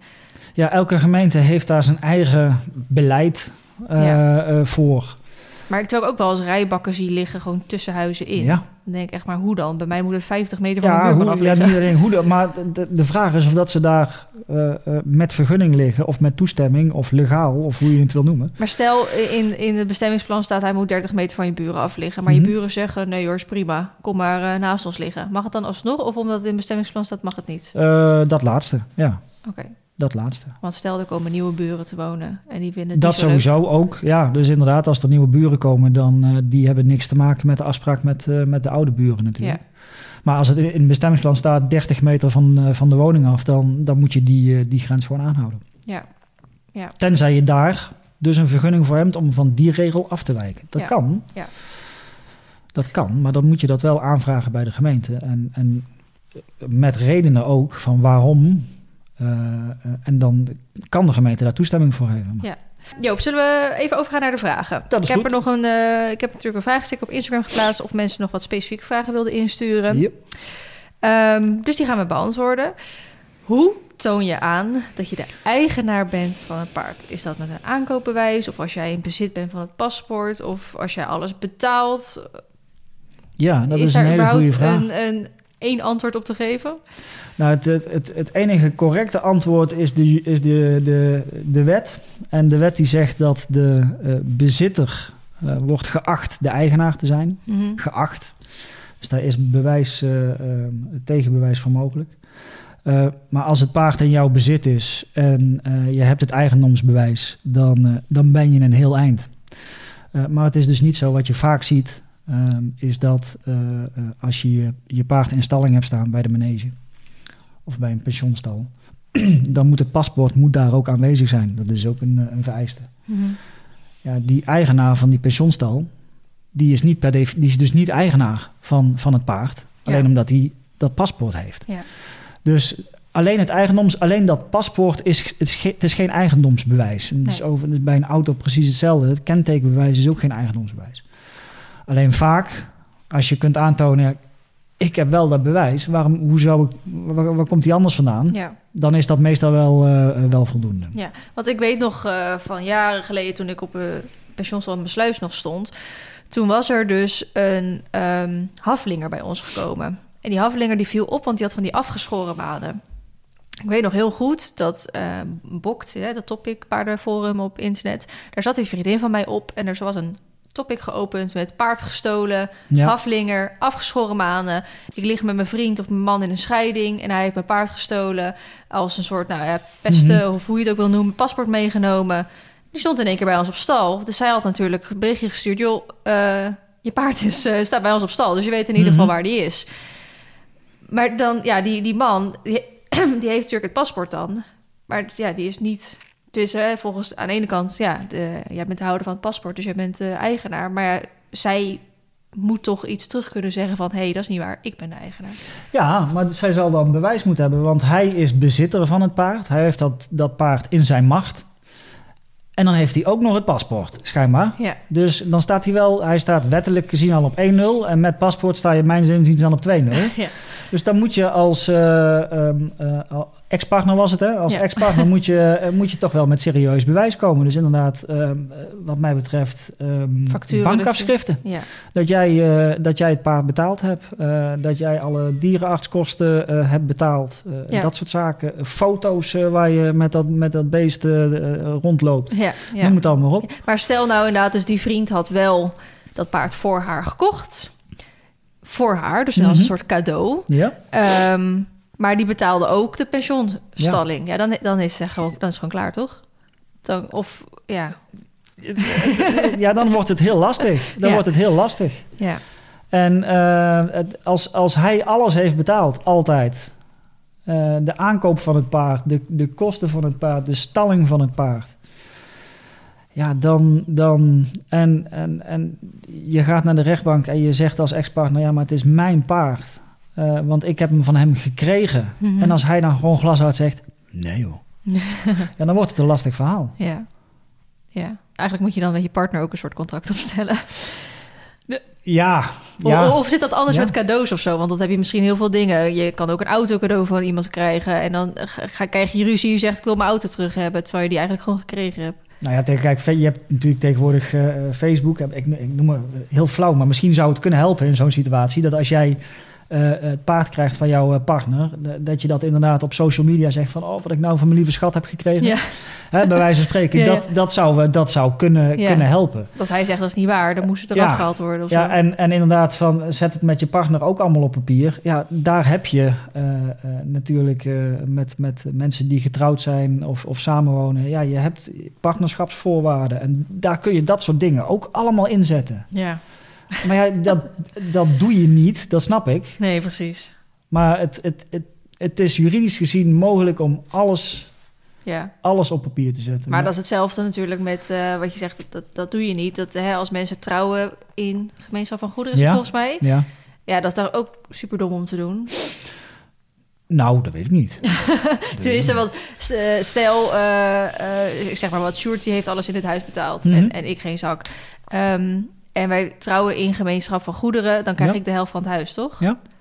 Dus nou, en- maar je krijgt ruzie en hij zegt, ja hallo, ik heb alles betaald, je hebt helemaal Nee, nergens nee, recht op. eh, dat, eh, Maar je bent ja. getrouwd in gemeenschap van goederen, dus ik vind dat in... Kijk, voor mij zou dat dan op dat moment wel zijn, maar ik zou dat voor hem heel dom gevonden hebben zijn. Maar dat, dat doe je omdat je dan heel verliefd op elkaar bent en je denkt, oh, we blijven voor altijd bij elkaar. En Ja, ja daar zit een, ook daar zit vaak een emotionele component dat mensen zeggen van ja, maar ja, we houden toch van elkaar en wat van mij is, is van jou en andersom. ja, Nou ja, dat is prima als je, dat, eh, als je daarmee eh, eh, het huwelijk instapt. Prima. Ja. Ja. maar dan moet je achteraf niet, dan moet je achteraf als partner niet komen met het verwijt, ja, maar ik heb alles betaald en nou, nou, nou pak jij de helft af. Ja, nee, ja. ze pakt de helft, hij of zij pakt de helft niet af. En heb je zelf, heb je zelf voor gekozen om haar op het moment dat jij trouwde Mhm. heb jij hem of haar de helft gegeven. Zo simpel is het. Ja.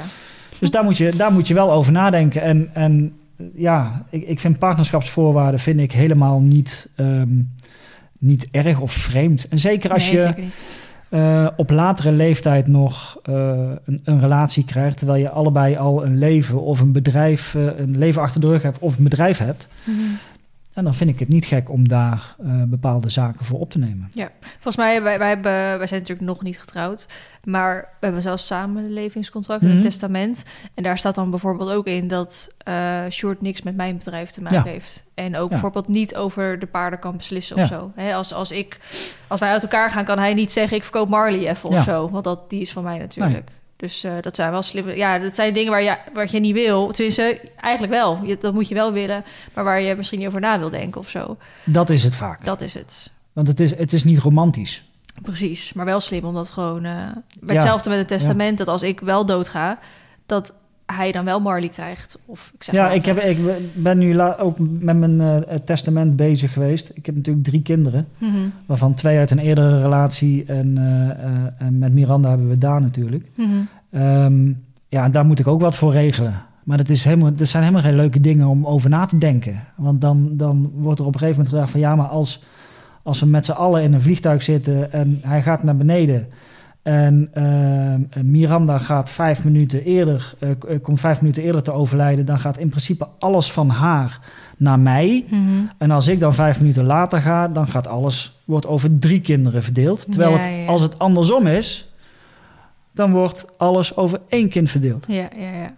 En dat vind ik dan weer niet eerlijk ten opzichte van mijn kinderen. Want we zijn verdorie maar vijf minuten na elkaar dood gegaan. Ja, ja. Dus daar moet dan iets voor geregeld worden. Maar dat, is helemaal dat, ja, dat zijn helemaal geen leuke dingen om over na te denken. Mhm. En, en inderdaad met relaties en trouwen en dergelijke... is dat gewoon aromantisch, dat snap ik. Nou, waar, waar ik niet over na had gedacht bij mijn testament... is dat ik heb nog een halfbroer van mijn vader... heeft eh, voor mijn moeder ook een uh, volhuwelijk gehad. Ook al zijn mijn ouders echt al 35 jaar bij elkaar. Ehm, en toen, dus, dus ik had er helemaal niet over nagedacht. En toen vroeg inderdaad die eh, notaris die dat dan ging opstellen... van, hebben jullie toevallig nog halfbroers? En toen dacht ik, ik verrek, ja, dat heb Ja. ik. Maar daarbij voor de rest geen contact Nee. mee of zo... want dat is gewoon zo lang geleden en zo. Dus eigenlijk als ik dood zou gaan... dan zou hij ook een deel krijgen als ik dat niet had uitgesloten. En nu dan kan ik dat uitsloten, Ja. uitsluiten. Niet Ja. dat ik hem niet gun of zo, maar ik ken hem bijna niet. Dus waarom zou hij dan een deel krijgen Juist, natuurlijk? ja. Oké, volgende vraag. Eh, wat is de meest gemaakte fout in het contract wanneer je dus een paard koopt? Ik denk dat we het al redelijk een beetje besproken hebben, maar... Ja, dingen niet opschrijven, dat is eigenlijk de grootste fout. Onduidelijk blijven. Ja. ja. Ehm, hoe werkt het precies als je vergunning aan wil vragen? Omgevingsloket, gewoon toch? Omgevingsloket.nl. Ja, dus ja, tegenwoordig, ja, wat dat betreft, dus de, de digitale tijd is wel, eh, wel een uitkomst hoor, wat dat betreft. Dus je kunt dat inderdaad, eh, je moet dat tegenwoordig digitaal doen. Vroeger moest je allerlei formulieren invullen Mhm. en, en opsturen naar, eh, naar de gemeente. En tegenwoordig moet dat volgens mij zelfs digitaal. Is het moeilijk om iemand te beschermen als advocaat als hij eigenlijk iets heel slechts gedaan heeft? Eh, ja, daar hebben we het natuurlijk al over gehad. Ik doe geen strafrecht om die reden. Ja. Ehm, dus voor mij is dat inderdaad heel moeilijk. Mhm. Ehm, maar ik heb het ook wel in mijn andere praktijk gehad dat je ehm, dat partijen lijnrecht tegenover elkaar staan over wat er is gebeurd. Eh, en dat een van de twee gewoon glashard zit te liegen. Ja, van tevoren weet ik ook niet eh, of dat, dat mijn klant is of de andere partij. Ja. En in, in, in mijn geval ging het om een, eh, een, een groot geldbedrag wat was geleend en moest worden terugbetaald. en de andere partij zei: ik heb, het, ik heb het terugbetaald, want ik heb het in een pakje gestopt en opgestuurd. En mijn klant die zei: eh, Ja, ik heb wel een pakje gekregen, maar daar zaten witte velletjes papier in, maar geen geld. What fuck? En toen dacht ik: Ja, oké, we hebben het over eh 24.000 euro. Hoe stom ben je trouwens Hoe stom ben je om het in een pakje te stoppen? Hoe Inderdaad. makkelijk raakt iets kwijt in de post? Dus ik vond wel dat mijn klant eh, op 1-0 voor stond. Mhm. Maar ja, voor hetzelfde geld had hij dat geld eruit gehaald en zelf witte velletjes erin gedaan en gezegd: huh, Ik heb nooit iets gehad. Ja. Ehm, dus ik, zat ik daarmee? Ja, een beetje. Ehm, en toen kwam de andere partij met getuigen. Eh, je, je vertelde het er straks al. Mhm. Die had getuigen. ehm, een, een, een derde partij die geen familie was, dat was een klant. En ehm, die heeft het gezien dat hij het geld erin deed. Ehm, dus toen stond mijn klant ineens op eh, 2-1 achter, zo ongeveer. Ja. En toen moest ik daar nog iets tegen inbrengen. En toen heb ik het dossier honderd keer eh, op zijn kop gehaald. En toen bleek dat er een één, bla, één A4'tje zat erin met het verzendbewijs van, eh, van de post. Mhm. En daar stond het gewicht van het pakje op. Mhm. En ik had het pakje, had ik nog. En toen heb ik de Nederlandse bank gebeld. En toen heb ik gevraagd wat een briefje van 50 kost, eh, weegt en wat Mhm. een briefje van 100 weegt. Ehm, en toen ben ik aan het rekenen geslagen. En toen kwam ik gewoon tot de eh, conclusie dat dat geldbedrag er nooit in had kunnen zitten, feitelijk gezien. Ja. Omdat op basis van het gewicht kon daar maar voor, voor maximaal 3000 euro papiergeld in zitten. Want Mhm. anders kwam je er ver boven. Mhm. En dat heeft de rechtbank één op één overgenomen. Ja. Dus toen pas, toen pas kwam ik erachter, door mijn onderzoek, dat mijn klant gewoon wel gelijk moest hebben. Maar Ja. ja, tot dat moment had hij gewoon de zaak kunnen beflessen. ja. En dan had ik het ook niet geweten. Nee. Maar ho- hoe goed voel je je dan als je zo, eh, zoiets hebt gewonnen? Ja, ik ga, ik ga uit van, van eh, het goede van de mens, dat de klant mij gewoon vertelt hoe het zit. Ja. En als ik, ehm, als ik bij dat onderzoek erachter was gekomen dat het klopte wat de andere partij had verklaard en met zijn getuigen, Mhm. dan denk ik dat ik direct de stekker uit die zaak had getrokken. Omdat ik dan inderdaad gewoon weet van ja, hier wordt niet alleen een spelletje gespeeld met de andere partij en met het rechtssysteem, maar ook met mij. Mhm. En dan houdt het gewoon op. Ja. Ehm, maar tot die tijd dat, dat ik niet weet of hij liegt, ja, dan is het maar aan, aan de rechtbank om daar een oordeel over te geven over wie dat er Ja. gelijk heeft. Ja. ja. Hm. Maar hoe, hoe chill voel je je dan als je dat hebt gevonden over, over die gewichten? Dan denk je echt, yes. Ja, ja dat was wel. eh, de- de- ik denk dat dat wel de, de leukste zaak is die ik, eh, die ik ooit heb gewonnen, inderdaad. Ja, Ja. Op die manier. Ja, Ja, maar absoluut. zo'n klein dingetje met zoek, zoek, zoek en dan vind je hem en dan denk je echt, yeah. Ja. Ehm, wat vind jij het grootste onrecht binnen jouw vakgebied? Nou, het grootste weet ik niet. Maar wat ik wel heel. Wat ik, wat ik vaak tegenkom, is dat de drempel eh, om je recht te halen vaak te groot is. En we noemden dat er straks al van ja, als jij een vordering hebt van, van 2000 euro, ja, dan hoef je echt niet naar de rechtbank met een advocaat, want het gaat je meer geld kosten dan Ja. dat het oplevert. Zelf een particulier 2000 euro best wel veel geld Ja. zijn. Ja, eh, maar dat is het Nederlandse rechtssysteem dat je, eh, eh, als je een zaak wint, krijg je nooit een volledige proceskostenvergoeding. Dat is altijd een, een gestaffeld tarief op basis van de hoogte van de vordering. Mhm. Ehm, en dat vind ik wel eens onrechtvaardig, omdat de andere partij weet dat ook. Eh, en, en denkt inderdaad van, nou, laat ze maar gaan, want ze houden er toch niks aan over. Ja. Het is hetzelfde als iemand verzekerd is en zijn advocaat niet zelf hoeft te betalen. Die kan de andere partij, waarvan ze weten dat hij wel zijn advocaat zelf moet betalen, helemaal stuk procederen. Ja. Tot een hoger beroep, gaan we door. Ja. En dat, dat, dat komt ook echt gewoon voor. En dan zeggen ze, wij willen toch nog een regeling, want anders ga ik hoger beroep instellen. Mhm. Nou, dat, ik noem dat moderne chantage. Het is toegestaan, eh, maar dat vind ik echt wel onrecht. Ja, ja, daar ben ik het helemaal met je eens. Ehm, ik heb de vraag, meest bizarre zaak die je ooit hebt meegemaakt. Ik weet niet of je dat... Ja, je hebt net het, eh, de geld... eh Ehm, komt er nog een ander in je op? meest bizarre zaak. Ja, die zaak heb ik zelf niet, eh, niet gedaan. Eh, maar bij mijn oude kantoor ehm, eh, eh, hebben we ooit één zaak gehad met een, eh, een dame van lichte zeden. Ehm, die van een, eh, van een man een huis had gekregen. En die man was, eh, was overleden. Mhm. En de erfgename die eh, wilde dat huis hebben. En zij zei, ja, maar hij heeft hem mij geschonken uit liefde. De- en hoe dat, ik weet niet eens meer hoe het is afgelopen eigenlijk, want het was mijn zaak niet. Maar ik vond het wel een heel bijzondere... Gewoon het, het begin was al heel bijzonder. zeg maar. ja, ja. ja, maar oh, ik ben inderdaad wel benieuwd hoe het dan eigenlijk Ja. is afgelopen. Maar ja, dat soort dingen ga je natuurlijk ook gewoon tegenkomen. Of je nou een paard krijgt van iemand, of je krijgt Ja. een, eh, een huis eh, geschonken ja van iemand. kan allemaal. Hè? Ehm, nou, deze vraag hebben we denk ik al redelijk kunnen beantwoorden. Als je geen bouwvlak hebt bij je huis, is het dan mogelijk om stallen en een bak te plaatsen? Meestal niet, eh, meestal niet zonder vergunning, Mhm. sowieso. Dus dan moet er wel echt... eh, kijk, die bouwvlakken liggen er natuurlijk niet voor niks. Mhm. Uh, ook in het bouwvlak ben je niet, is het niet zonder meer toegestaan om maar te doen wat je wilt. Nee, we wilden zeggen, want wij hebben hier tot aan de wei eigenlijk is ons bouwvlak. Maar ik mag dat niet in één keer helemaal volzetten met Nee, daar zitten, de, maar de, ik zeg al, de, gel- soms gelden er ook percentages dat een bouwvlak voor maximaal eh, Ja. 30% mag Ja, want wij zitten volgens mij al over de zoveel vierkante Ja, meter. eh, Of zoveel vierkante meter. ja. Als, als je bouwvlak meer is dan 1000 vierkante meter, dan mag je maximaal eh, 300 eh, eh, meter aan bijgebouwen. Of van allerlei regels heb je. Ja. Dus ook met een bouwvlak ben je niet eh, gerechtigd om maar te doen wat je wilt. Ja, buiten een bouwvlak wordt het dan nog een, een tandje moeilijker. ja, Maar niet onmogelijk. Eh, hoe word je hippies-advocaat? Hoe word je hippies advocaat? Nou, eerst gewoon de, de, de opleiding, eh, de, de rechtenstudie doen. Daarna eh, advocaat eh, doen en heel veel eh, ehm, zaken met paarden. Dus, ja, mo- ja, moeilijker is het nou ook Nee, weer je hebt niet. niet een speciale Nee, er is, geen speciale, er is geen speciale opleiding voor. Nee. Nee. Je gaat Nee. je gewoon specialiseren op, op eigen initiatief, denk Ja, ik. Ja. Eh, of heb je daar nog, weet ik veel, cursussen voor? Of, eh, Nee, ook niet echt. Nee, dus het is inderdaad eh, je, je, je een beetje de paardenwereld eigen maken. Ik denk dat dat wel, wel noodzakelijk is. Als iemand bij jou komt met, met de vraag van... joh, mijn paard heeft een gebrek, want hij heeft kissing spines, ik noem maar wat. Eh, dat je dan in ieder geval weet van, oh, eh, dat, dan hebben we het daar ongeveer over. Ja, dus ja, ja. kennis van paarden is wel... ja. Het is niet eens een vereiste, maar het, is, het maakt het leven wel een stuk makkelijker. En het maakt denk ik de relatie met je cliënt ook een stuk ja.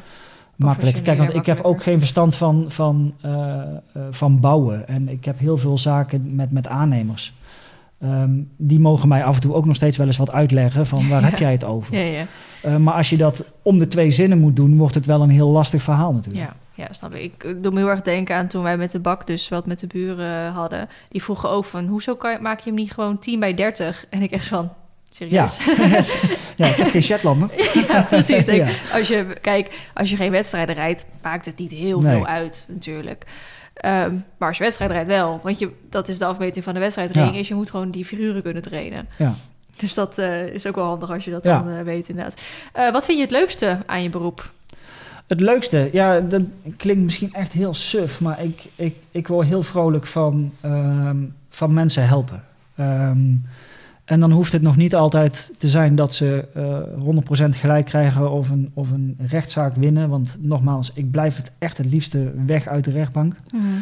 Ehm, maar gewoon mensen, mensen helpen. Kijk, voor mij is het heel vanzelfsprekend dat ik denk, ja, zo, zo ingewikkeld is het ook allemaal niet.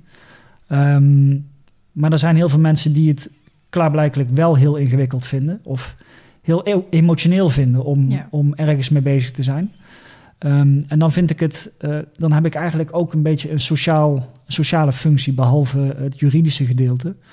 Om mensen te begeleiden om, om het, in ieder geval het geschil uit de wereld te helpen. En vaak is dat al voldoende voor ze om, om blij te zijn en opgelucht. En dat, dat geeft mij wel echt een, een, eh, een goed gevoel. Ja, ja.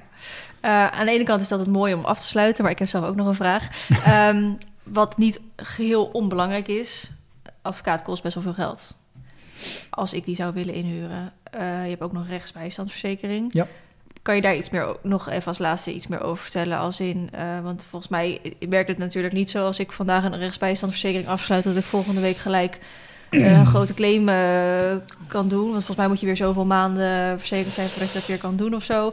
En, en wat zijn de kosten waar mensen aan kunnen denken als ze een jurist willen inschakelen? Je hoeft natuurlijk niet jouw uurtarieven te Mhm. vertellen of zo, maar gewoon waar kunnen mensen aan denken? Ja, kijk, zo'n rechtsbijstandverzekering, eh, als we het over algemene voorwaarden hebben. ehm, als je een rechtsbijstandverzekering afsluit, dan krijg je een, een, een, een pak toegestuurd, daar zeg je u tegen. Daar kun je, daar kun je drie dagen op, eh, op lezen. Eh, verschillende modules. Je hebt de module verkeer, de module wonen, de module consument, eh uitsluitingsartikelen van hier tot, tot Afrika en terug. Ik zeg niet dat het, dat het niks is, want ehm, ik heb ook heel veel mensen die echt heel veel profijt hebben van een, van een rechtsbijstandverzekering. Zo is het absoluut niet. Alleen als je hem afsluit, denk vooral niet dat je ehm, gedekt bent voor alles. Inderdaad, je kunt pas vaak na een bepaalde periode een beroep doen op je rechtsbijstand. Er zijn heel veel dingen uitgesloten. Ehm, problemen die eh, zijn oorsprong vinden in een periode voor jouw verzekering, die doen ook niet mee. Hmm. Dus eh, jij sluit nu een verzekering af. Eh, en dadelijk, morgen ga jij eh, het paard kopen. En dan blijkt toch iets mee aan de hand te zijn. Ehm, dan zal zo'n rechtsbijstandverzekering waarschijnlijk zeggen... te vroeg afgesloten. Of, ja, je was al in onderhandeling voordat je het, Ja. het, het, eh, de verzekering afsloot. Dus ook om die reden is het, eh, is het niet toegestaan. Ehm, dus dat is echt, eh, ja, bekijk dat goed als je, als je dat afsluit. Ehm, ja, wat kost een jurist en wat kost een advocaat? Nou, ik ben helemaal niet, ehm, eh, niet geheimzinnig over mijn uurtarief. Dat is 220 euro. Dat is een hele hoop geld. Ehm, juristen zijn er voor veel minder en kunnen ook net zo goed werk doen. Mhm. Ja, voor alles geldt eigenlijk. ehm, je hebt hele goede rechtsbijstandverleners, de juristen die daar werkzaam zijn. Je hebt hele slechte, je hebt hele goede advocaten en je hebt ook hele slechte advocaten. en die zijn net zo duur. Dus er is eigenlijk heel weinig van te zeggen. Dus daarom, daarom is mijn advies ook altijd: zorg er eigenlijk voor dat je hem zo min mogelijk nodig hebt. Want dat, Mhm. dat, dat vind ik mijn taak om ervoor te zorgen dat mijn klanten mij zo min mogelijk nodig hebben. Ehm, omdat als ik echt aan de slag moet en ik moet mijn uren maken, ja, dan gaat dat inderdaad heel veel geld kosten. Ja, ja. En in sommige gevallen kan je nog wel het bedrag verhalen op de tegenpartij, toch? Of, of geldt dat? Nou ja, dat is wat ik zei met dat grootste onrecht. Ehm, als jij ehm 5000 euro te vorderen hebt van iemand. Ehm, nee, volgens mij, even kijken, zit ik even te denken, wat heb ik nou laatst aan de hand gehad? Volgens mij tot 20.000 zelfs. 20.000 euro. En je hebt een normale procedure bij de rechtbank die je voert. Dan krijg jij ter vergoeding van de gemaakte advocatenkosten, krijg jij van de andere partij 750 euro. Nou, ik kan voor 750 euro inclusief BTW geen procedure voor je voeren. Dat gaat me niet lukken. Dus Nee. alles wat jij meer betaalt, betaal je uit eigen zak. Ja, ja. En ehm, rechtsbijstandverzekering, ehm, het grote nadeel daarvan is dat je eh, niet weet wie dat je krijgt, wie dat jouw zaak gaat behartigen. Gelukkig hebben we in Nederland ook zoiets als de vrije advocaatkeuze. Dus als je een procedure hebt en je bent wel verzekerd, dan kun je ook zeggen: luister, ik wil dat jullie die advocaat voor mij inschakelen. Eh, want daar voel ik mij prettig bij. Dat is ook weer geen reclamepraatje van mezelf nu, maar het, het komt gewoon heel vaak voor dat mensen wel een advocaat kennen eh, en verzekerd zijn. En die komen dan toch uiteindelijk wel bij elkaar om die reden. Want dat is vaak voor heel veel klanten wel heel fijn dat ze toch een vertrouwd gezicht Ja. eh, hebben die hun zaak behandelt. Met name wat ik al zei vanwege dat emotionele aspect wat er toch vaak in, in zaken bij zit. Ja, ja. En nu, eh, om het even op jou te richten, jij biedt ook nog iets aan eh, voor mensen, want jullie hebben dat abonnement, toch? Ja, ik heb, eh, ik heb abonnementen ontwikkeld. ehm, en dat is voor een, voor, een, voor een vast bedrag per maand. heb je dan altijd recht op advies op maat. Ehm, ik noem het altijd gratis eerste lijns eh, advies. Dat wil zeggen dat ik ehm, ehm, niet heel erg ehm, diep in een dossier duik en een, juridisch probleem helemaal, eh, helemaal behandel. maar het is juist de bedoeling dat mensen geen drempel voelen om mij te bellen en te zeggen: Hé hey Joop, dit is er aan de hand. En het liefste nog voordat het een probleem is. Dat is Ja. wat jij nu vandaag bij mij aankaart van... hey Joop, ik ga morgen ga ik waarschijnlijk een paard kopen... en de keuring is de, de, eh, een dag later. Hoe? Hoe kan ik dat het beste doen? Mhm. Dat is het moment inderdaad om mij te bellen. En niet achteraf op het moment dat je zegt... hey Joop, ik heb een paard gekocht gisteren... En de keuring is nou eh, geweest en het is helemaal foute boel... Mhm. en nu heb ik een probleem. Ja, ja. Dus doe het vooral vooraf. Mensen ehm, vinden dat niet prettig, denken dan inderdaad meteen, gezien de uurtarieven, daar komt de rekening. En om die reden heb ik abonnementen ontwikkeld waarbij mensen gewoon inderdaad die telefoon kunnen pakken. En mij kunnen vragen, van, joh, dit is aan de hand, hoe, hoe moet ik het aanpakken? Ja, ja. En ehm, op die manier probeer ik op een hele laagdrempelige manier eigenlijk ervoor te zorgen dat we de problemen eh, kunnen voorkomen in plaats van, in plaats van genezen eigenlijk. Dat Ja. komt op neer. Ja, hele goeie. Ehm, waar kunnen mensen jou vinden als ze contact met je willen opnemen? Ze kunnen mij eh, vinden op, eh, in, in Wiegen. Eh, nee, de, de, de website is, mijn website is wassinkadvocatuur.nl. Ehm, en daar staat mijn 06-nummer eh, eh, ook op vermeld. Ehm, dus wat dat betreft kunnen ze mij altijd, uh, ze kunnen me altijd gewoon rechtstreeks bellen. Ik heb ook geen secretaresse de, die uh, bij godsgratie naar, naar mij doorverbindt of iets dergelijks. Dus als ik niet opneem, spreek vooral een voicemailbericht in. Um, ik zie de gemiste oproepen en ik, uh, ik bel gewoon terug. Dat ja. is de, meest, de meest praktische manier. Ja, duidelijk. Um, we zijn lekker anderhalf uur bezig bijna, dus dat is uh, snel gegaan. Ja, zeker. ik wil je heel erg bedanken voor al je advies en je kennis te delen en het fijne gesprek. Ja, ik ben heel erg benieuwd wat de luisteraars ervan vinden, dus stuur mij gerust eventjes een DM uh, mocht je leuke opmerkingen hebben of uh, iets anders van nou, het lijkt me leuk om misschien een keer die persoon of die persoon te horen, is ook helemaal prima natuurlijk. En dan wil ik jullie bedanken voor het luisteren en heel graag tot de volgende keer. Doei!